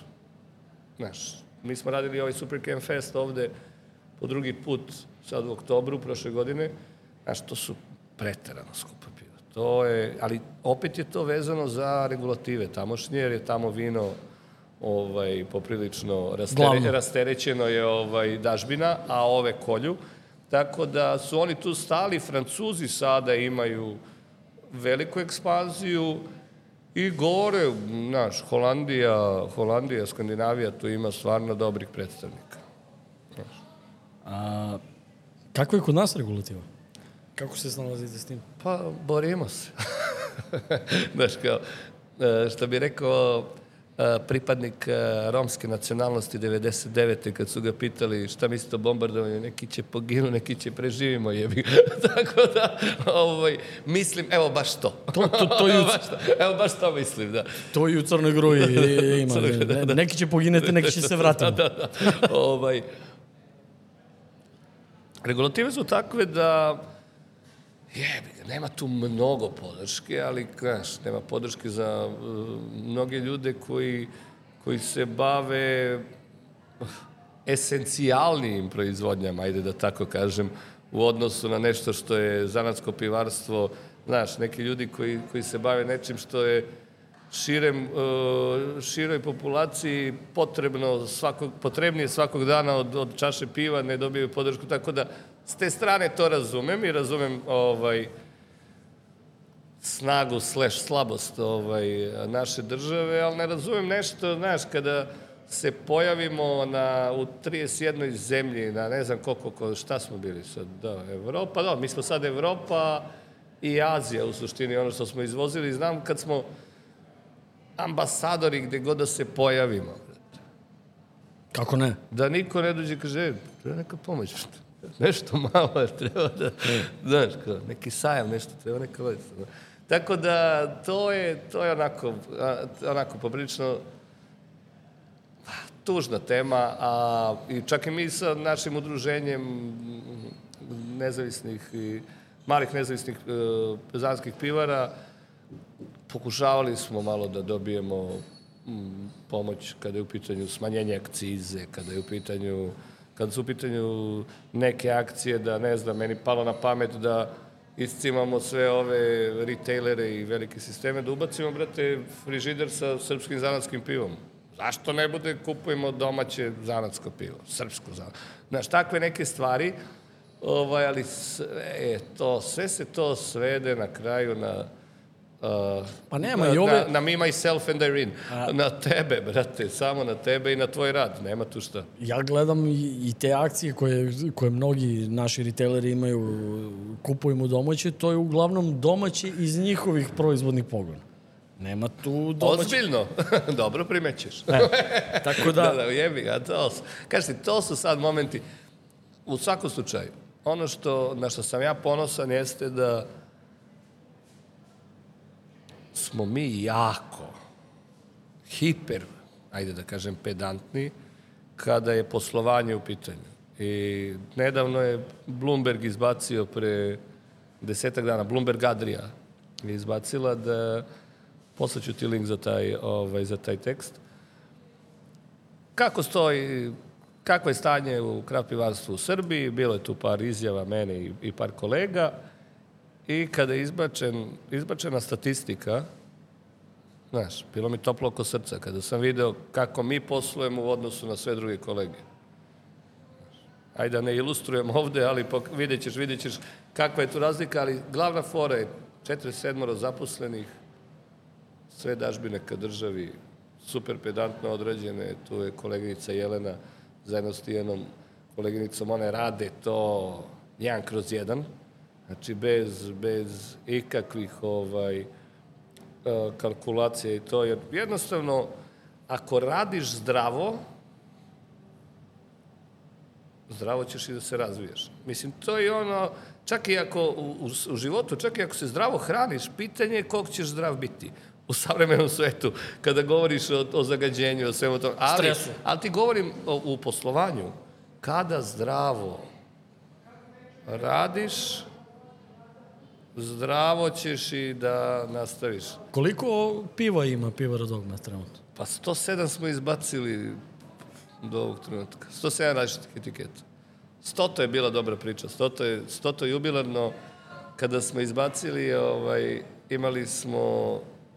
To je bila baš onako velika tajna koju smo morali da krijemo, moj partner i ja, od bukvalno svih sem Nemanje. Nemanje je znao o kom će se pivo raditi. U pitanju je pivo Sir John Benedict, koje smo posvetili našem drugaru, zajedničkom mlađeni ja, Nikoli, koga zovemo John Johnka, ali smo ga prozvali Sir John Benedict eh, zato što, ne znam, sedeli smo u Turskoj i, i u, u, u hotela jedno, kad smo bili da igramo golf, ovaj, eh, cirkali smo, cirkali smo Hennessy, on je pušio cigar ja rekao, kakav si Sir John, mamo. A mlađan dobacuje, Benedikt, Sir John Benedikt. A sve što Benedikt voli, Benedikt jaja, brate. I sad smo, napravili smo ga, sve, ilustrator je uradio viteza koji drži golf štap ispred zastavice na kojoj piše 100, 100 kao 100 pivo, u pozadini je dvorac njegov, verovatno. I na kraju smo ga navukli da dođe ovde, da popije pivo, vozač, opet ortak koji ga je vozio, rekao je, izašao iz auta. Čeka ga, oni svi obukli majice sa tim, Sir John Benedict. I snimamo ga, bio je live na, na Instagramu, snimamo ga gde on pozdravio sve, ej, pošto je maltene svaki dan tu, e, gde ste, je, sve je super. I rekao, dođi da popiješ ono pivo, e, grli me i ja krećem da lepim nalepnicu sa etiketom, sa ilustracijom piva i on pogleda i kaže, molim, preko ove pivo za tebe. Znači, to je, to je bio, to je bio moment koji nam je onako, znaš, evo te 40 dana smo morali da čuvamo tajnu, znači to mi je bilo, to mi je bilo frka, tako da... A ko, ko vam radi? Ili jedna firma, agencija ili jedan čovek zadužen za dizajn? A... Ne, dizajn nam je in-house, dizajn i, i, i social media i Jer ceo je marketing, specifičan, izuzetno. Ceo marketing nam je in-house, sem ilustracije koje radi naš drugar Gagi, On je eksterni, da kaže, saradnik. Čovek, čovek je ilustrator za mm, brojne firme koje rade igrice, radi dosta nekih stripova. Inače, drugar kog sam ja upoznao kroz moj rad sa Sound and Visionsom festivalom koji sam organizovao u Majdanpeku. On ti je basista, ne znam, u Nežnom Daliboru, svirao je bubanju Ola Horhiju i tako, multi, multitalentovan mladić. Koliko je dogma zastupljeno u istočnoj Srbiji? Pa, brate, trudimo se, sad ću ti reći, Zoran moj se bavi tim delom, tim delom, moj burazer, bavi se tim delom i prodajem desi gvozdene, morao je da vidi sve, morao je sve da obiđe. I ovaj, uh, kad je Majdanpek u pitanju, znam da nas ima u jednom mestu, kod, kod Bokija, ovaj, u sceni, uh, u Zajčaru nas je bilo, mislim, kod Darka, kako se zvalo, zvalo to, kako se zove to udruženje građana? Danko, Omlinski centar. Ne, Danko, Danko, Omlinski centar, brate. Tamo, tamo nas je bilo, ali ne znam da nas je imao... Pa ja mislim da oni sad imaju saradnju sa Saltom aha, da, da aha. da prave svoje pivo. Odnosno, svoj brend. Dobro, kako da. god. To je, pivo, to je pivo koje je svačije, ali dobro. U, u, u svakom slučaju, ovaj, nije private label. U svakom slučaju, Boru, ne znam kako se zove mesto, Zoran je, Zoranov neki cimer iz Studenjaka je, drži pub Tu, tu nas ima, u Nišu nas ima dosta. Mikajla, stara Kajla. Kajla, jeste, tu, tu, da, da, da, to je, to je, to je, mislim, bukvalno cimer iz studentskih dana mog Borazera. Ovo u Nišu nas ima dosta, mislim, ljudi se ohrabruju u mnogim delovima Srbije. Znam da nas ima dolistu u Vranju, da nas ima negde, ja mislim u Leskovcu. Sada se isto radi sa, sa, sa pojača, pojačavanjem ovih retail objekata koji su jači u gradovima u istočnoj Srbiji. I e, ono što ti kažem... E, u Maksiju vas ima? Da, da, da, ali, ali gađamo sada da se to pojačava, znaš, ne samo u istočnoj, ali, ali ovaj, u svim, da kažem, jačim objektima, da toga bude više, ljudi već sada znaju za brend. Znaš, to, to pre tri godine je bilo onako, eh, četiri, bilo je, šta brate, te će nam toliko para za ovo pivo. Sad već ljudi znaju koliko to košta stvarno i koliko ovaj, e, realno trebaju da plate. A, a ono što sam htio da kažem jeste da se ljudi ohrabruju i meni je to super. Meni svaki put kada vidim da je neko novo mesto na, na mapi našoj, na našoj mapi, znaš, to mi, je, to mi je sjajno jer to ti govori kako se razvija scena. To ti isto sa jedne strane govori da neki ljudi u tom gradu mogu sebi da priušte ovo pivo. Što znači da neki ljudi tamo u tom gradu zarađuju određenu lovu i da mogu da odvoje određena sredstva za tvoj proizvod. Znaš, to je razvoj scene. To je razvoj scene, a ujedno ti pokazuje da ipak nije baš sve tako crno. Ipak, ipak postoje ljudi koji mogu da se, znaš, da, da, da privređuju. Ne znam, možda će taj čovek koji voli da pije pivo otvoriti novi pub. Možda će on krenuti da, da radi svoju proizvodnju. Jednako, zaposliti neke ljude. Jednako, znaš, tako da to mi je, to mi je onako jako, jako lepo stvar. A kakva je scena inače zanatskog e, pivarstva? Sad si, sad si baš to pomenuo. Je scena koja deli znanja ili scena koja čuva svoje znanje? Pa, brate, šta ti možda čuvaš tu? Pa, kažeš, ah, nije to, mislim, svako ima svoje, znaš, sto ljudi, sto čudija, ima i ono sa 200 momenta. Ovaj, uh, ne možeš ti, znaš, budi eklektičan, uči od drugih, deli sa drugima. Mislim, ne znam, nekako ovo,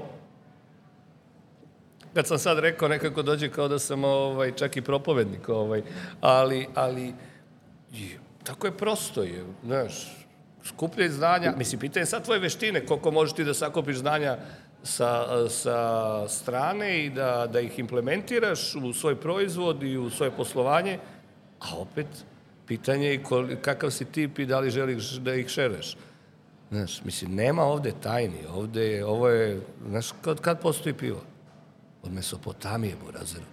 Pa šta? Pa mislim da, da neko nije, znaš, da se nije delilo znanje, ne bi bilo ničeg. Ne bi bio Pa najraspisani. ne bismo cirkali ovo, jeba, znaš, šurili bismo, ne znam, šta, vino i rakiju, i pitanje je sad i da tamo nije bilo šero. U svakom slučaju, scena je dobra, scena, scena je napredovala poprilično te, tog kraja 2013. kada, je, kada je, su kolege iz kabineta krenule, kada su posle ovaj, krenuli drugari iz Kaša, posle krenuo Tron, Crow, Salto se pojavio isto 2015. ja mislim i 16. ko mi. I napredovala je scena, zna se već ko kako radi, ko šta proizvodi, ko donosi kvalitet, ko uh, nije toliko uh, stabilan u svemu. to. Se sve već zna zato što je kritična masa već tu, scena je izgrađena, neću kažem kupci, mrzim tu reč, reći ću fanovi na kraju krajeva ili, ili ovaj, pot- potrošači su ružno reći. Fanovi kraft pivarstva su e, prepoznali e, moment e, da je, gde tačno znaju šta im paše, ne od koje pivare, nego isto od kog pivskog stila. Ponuda postoji i dobra je, jako dobra, ja se nadam, mislim, teško će, teško će se pojavljivati sada nove pivare s obzirom na sve što se desilo u prethodnih par godina koje kao da se nisu desile. Ovaj, znaš, teško će se neko sada i sa svim ovim uh, momentima, da ne kažem sranjima u svetu, ohrabriti da, da ovo. uđe u ovakav biznis.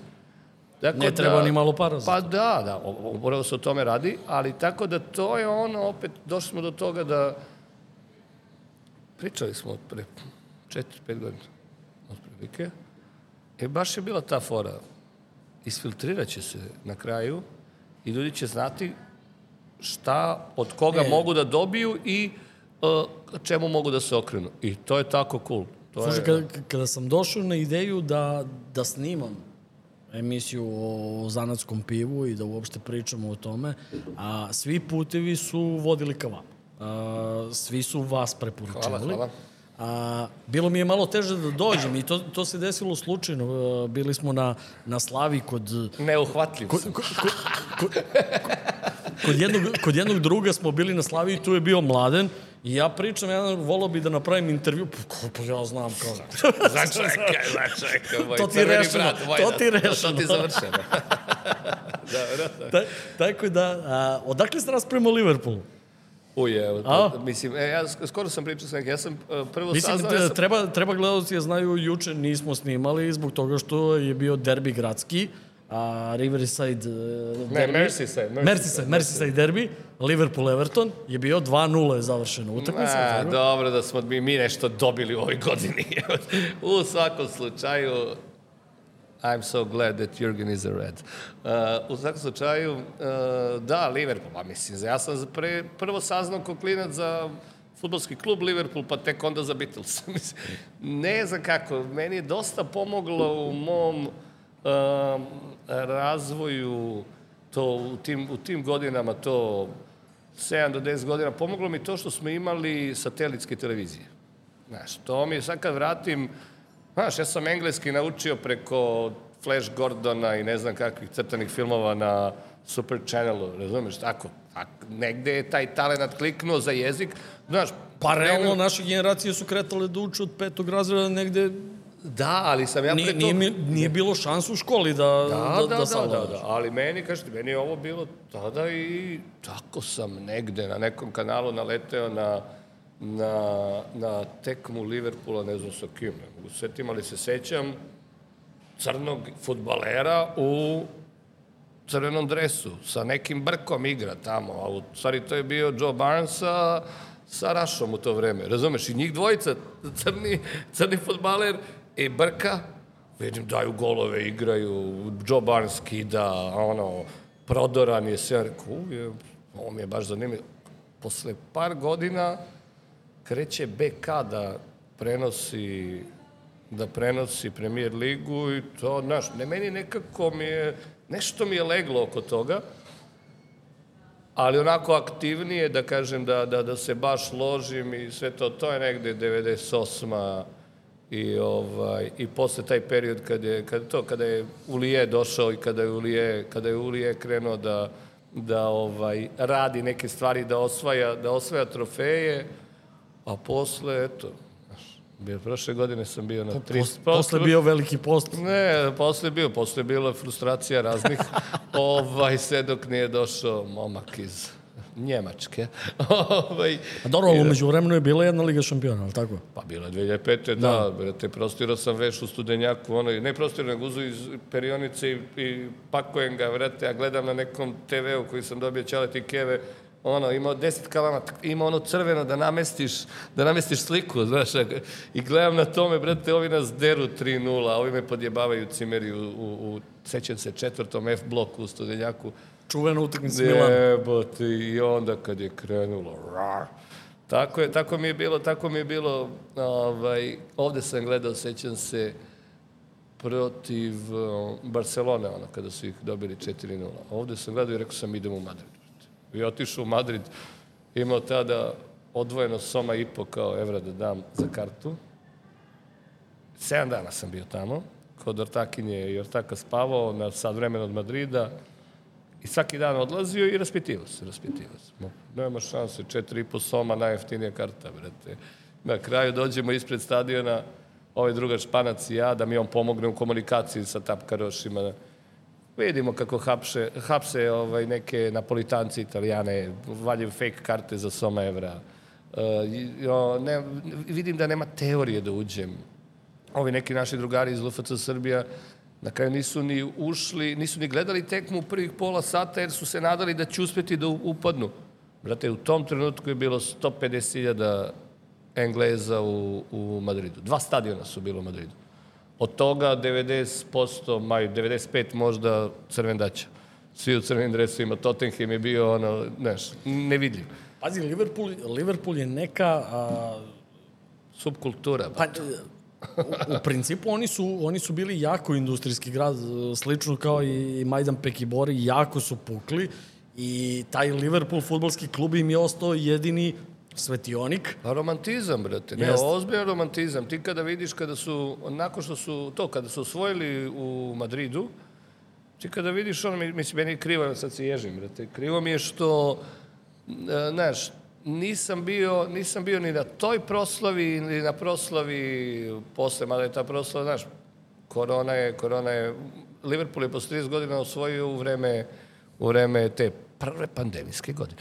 ovaj, tako da, A moralo je tako. Znaš, tako da je to bilo heavy, ali prošle godine sam išao da gledam i četvrt finale u Lisabonu i polufinale u Viljarealu.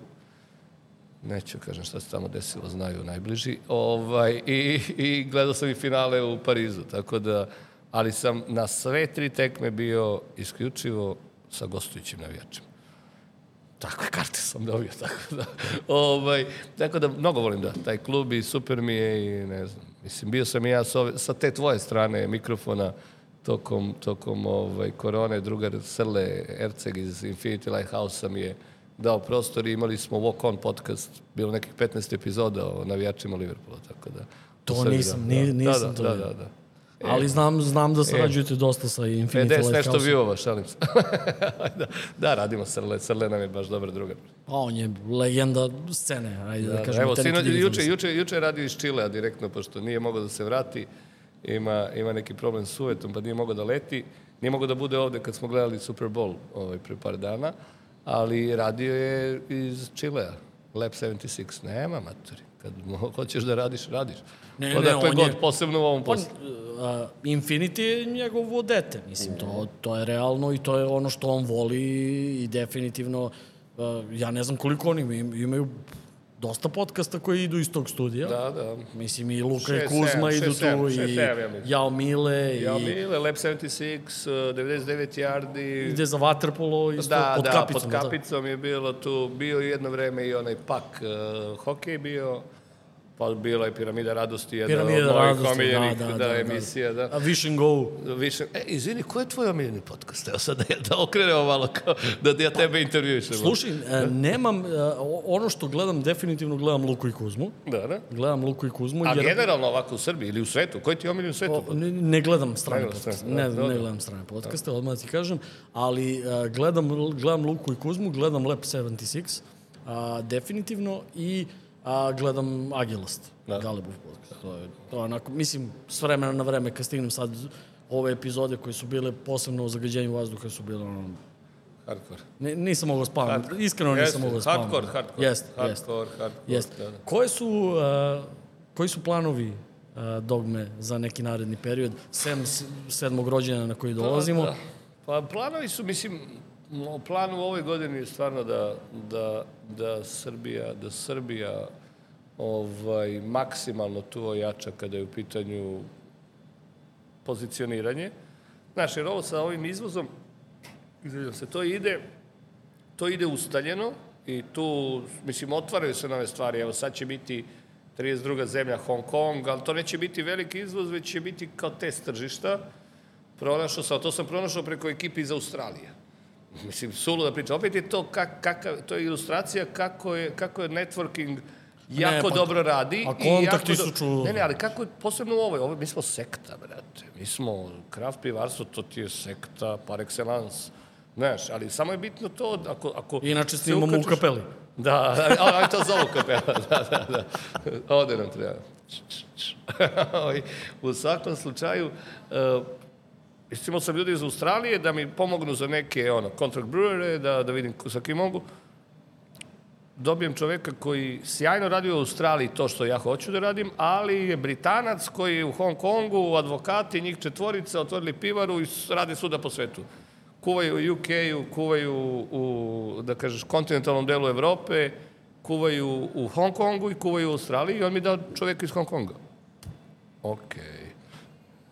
Ispostavi se da ja na putu za Pariz prošle nedelje, kada smo se vozikali da spasimo našeg fleku psa, mog kuma koji se vraća posle 15 godina u Srbiju iz Pekinga, ovaj, samo do, do Pariza mogao da ga dopura, da u putu ka Parizu ja se kod Rozenhajma nađem sa tipom koji radi u Hong Kongu i uvozi piva, on već zna za naša piva, tek je tada dobio nove neke uzorke i bio u fazonu, radimo, to će avionom da odleti tamo, uradit ćemo test tržišta i vidjet ćemo. Znaš, kako kažu, kom se, kom sa? ovaj, da, ovaj, tako da vidjet ćemo šta će tu da ispadne. Znaš, tako da a, to sa tim izvozom ide tako i negde imam tu ideje šta mogu još da pojačam, šta ne mogu gde trebam da tu energiju koju sam imao u proteklim godinama transferujem kod nekog drugog. A Srbija je nešto, kažem, što, što će biti, što će biti ovaj, jaka tema, eventualno da se otvori ta Australija i ovo što smo krenuli sada, što će otići negde u martu za, za Ameriku, ali to su, to moraju da budu long term priče. To ne može da bude, da razmišljam da je to u ovoj godini, znaš. Ja se zajebavam tako kad dobijem neki, neko pitanje to za planove, ja kažem, Mars nije daleko. Tako da, znaš, s te, s te strane, s te strane stvarno mislim da možemo da imamo, nama je cela planeta playground. Sad je samo pitanje u teškim godinama i teškim trenucima konsolidovanje redova i zadržavanje kvaliteta koji, koji nosimo, kako u čaši, tako i van čaše, i što više saradnji, saradnji, saradnji. Ja sam čovek, kada bih rekao da sam kolaboracionalista, ovaj, zvučalo bi hardcore, ali stvarno volim da radim. Do, do, dosta volim da, da, da sarađujem sa ljudima i da iz toga dobijemo te zajedničke momente. Kao to pivo koje smo radili sa Srletom i za 99 Dramatičnjak. Sek, sek, kao dramatičnjak koji će ponovo biti skuvan sada sa popom i sa, sa momom. Ovaj, kao i, i ovo pivo koje smo radili za Ivana iz Pop Depresije Zuma, od kog će deo, deo sredstava otići za, zašti, za udruženja koje se bave zaštitom životinja, kao i Dogma in the Streets, taj projekat koji smo krenuli sa street eh, artistima. Znaš, to su te, sve stvari koje su saradnje, ali su opet sa druge strane business approach. i poprilično su smart business approach.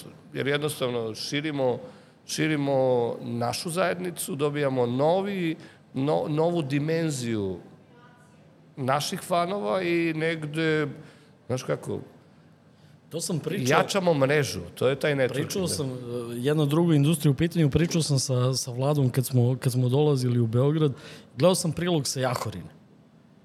I oni imaju akciju a, hiljadu skija za hiljadu dece, hiljadu kaciga za hiljadu dece. I sad pitaju a, PR-a, skijališta, pitaju kao kako se odvija ta akcija i bla, bla, bla, bla, bla. I ona kaže, a, nije nama to trošak. Mi investiramo u buduće skijaše. Prosto jebate. Mislim, ljudi, ka, ljudi kada, a, znaš, mm, jako je, možda, možda čak nije ni jako tanka linija, ali ja mislim da jeste. Jako je tanka linija između toga da a, ti sam sa sobom rešiš šta je trošak, a šta je investicija. Jeste. Mislim, mi, kažem, mi smo firma i dalje koja, uh, što može da bude loše za nas, ovaj, ali opet tako, tako ga živimo i živimo i ovaj biznis i tako živimo život. Mi još uvek sa svim našim rastom ne razmišljamo o troškovima. Mi, Sve svaki investicije. trošak predstavlja nama investiciju. To je to. Mislim, ne znam koliko ljudi koji gleda ovaj podcast i da li ste vi negde, nekada prošli ovim delom pre šest godina. Ovo mesto gde sedimo ovde sada, pa do pre dve godine samo mrtvi Rumuni nisu bili tu. Pacovi i zmije. I ovi treći, i ovi treći, i ovi treći. Ovaj, ne, ovo je primjer, ovo gde sedimo je bila, bila garaža za lokomotive stare šećerane. Da, to se vidi. Ovo je, da, vidi se širok. Ovo je bilo totalno rasulo. I sa, šta sad, nama je trošak da mi to sve, ne, brate, to je nama investicija. Naravno. Isto kao što uh, sav uh, asfalt koji je van naše zgrade, sa, svi ovi travnjaci, sve to, ovi parkinzi, ovo osvetljenje, naša lova, iz našeg poslovanja, jednako investicija. I to je to. Tako da, znaš, a mi nismo pritom na našoj zemlji, mi smo ovde u renti i ovo nije naše vlasništvo, nadamo se da će se stvoriti uslovi da to postane, ali, znaš, jednostavno ne možeš, brate,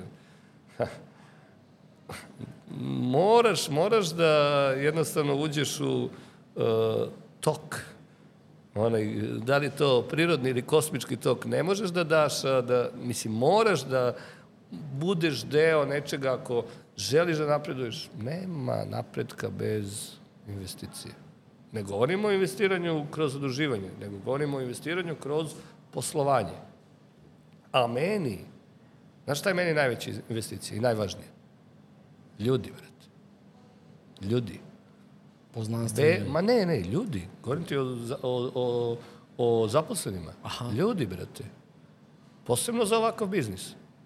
I dalje robot iz uh, Boston Roboticsa ne može da ti napravi hoptopoda. Razumeš? Koliko god je super i koliko god Derulo imao na Superbolu one kao robote koji džuskaju. Ne. That's entertainment. This is production. Znaš, tako da tu, tu su stvari jako, jako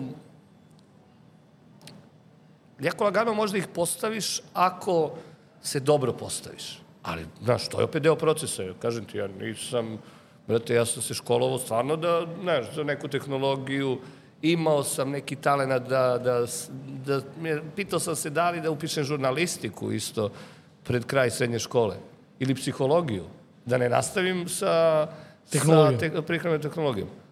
Ali sam negde ove, ove afinitete kao ove dve, dve discipline uspeo da implementiram u sve urađeno do sada. A to je opet, znaš, lekcija za sve mlade ljude koji slušaju ovo i mlađe. Budite eklektični, sakupljajte znanje, slušajte. Slušajte pametnije i nemojte da budete, budite egoistični kada trebate. Ču, imajte integritet, ali nemojte da, znaš, budite otvoreni, bre. Morate da budete otvoreni, posebno u savremenom svetu, mislim. Ja ne znam, mi smo odrastali u nekom totalno drugačijem svetu u odnosu na ovaj. Znaš, za neke stvari smo stvarno hardcore matori sada. Jesmo. No, mislim, neke stvari ne smeš ni da takneš. Bilo ti je smešno kao kad se svađaš nešto s matorcima, a ne, ne, ne, ne, znaš ti kako... Sad neke stvari, brate, znaš, ja pogledam, znaš, kao bile ove nagrade, kao Mac, kako se već zovu, kao mladi ovi autori. Ček da vidim kako, znaš, kako izgleda ovaj Pera, Žika, Mika, Vojaž, ovaj. Pogledam sve ono jebote isto, šta je sve,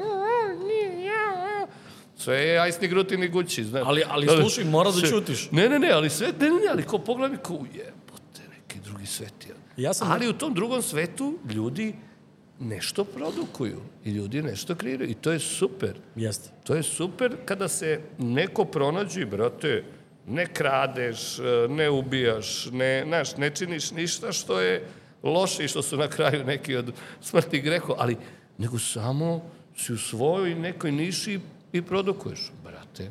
Našao si, našao si, našao si potrošača, odnosno kupce, jer to su potrošači, Nišu. kupci tamo, odnosno nišu, i radiš, brate. Znaš, Ja mislim da je ovo odlična priča da, da završimo. Porukom za mlade. A, Faški, još jednom ti hvala mnogo što si nas ugostio i što si našao vremena da, da pričamo o, o svemu ovome. A, nadam se da ćemo se još videti, da će biti prilike da još pričamo. Mislim da će Dogma tek postati poznata. A do tada, živeli. hvala ti puno, izvinite za čekanje i ljubimo se.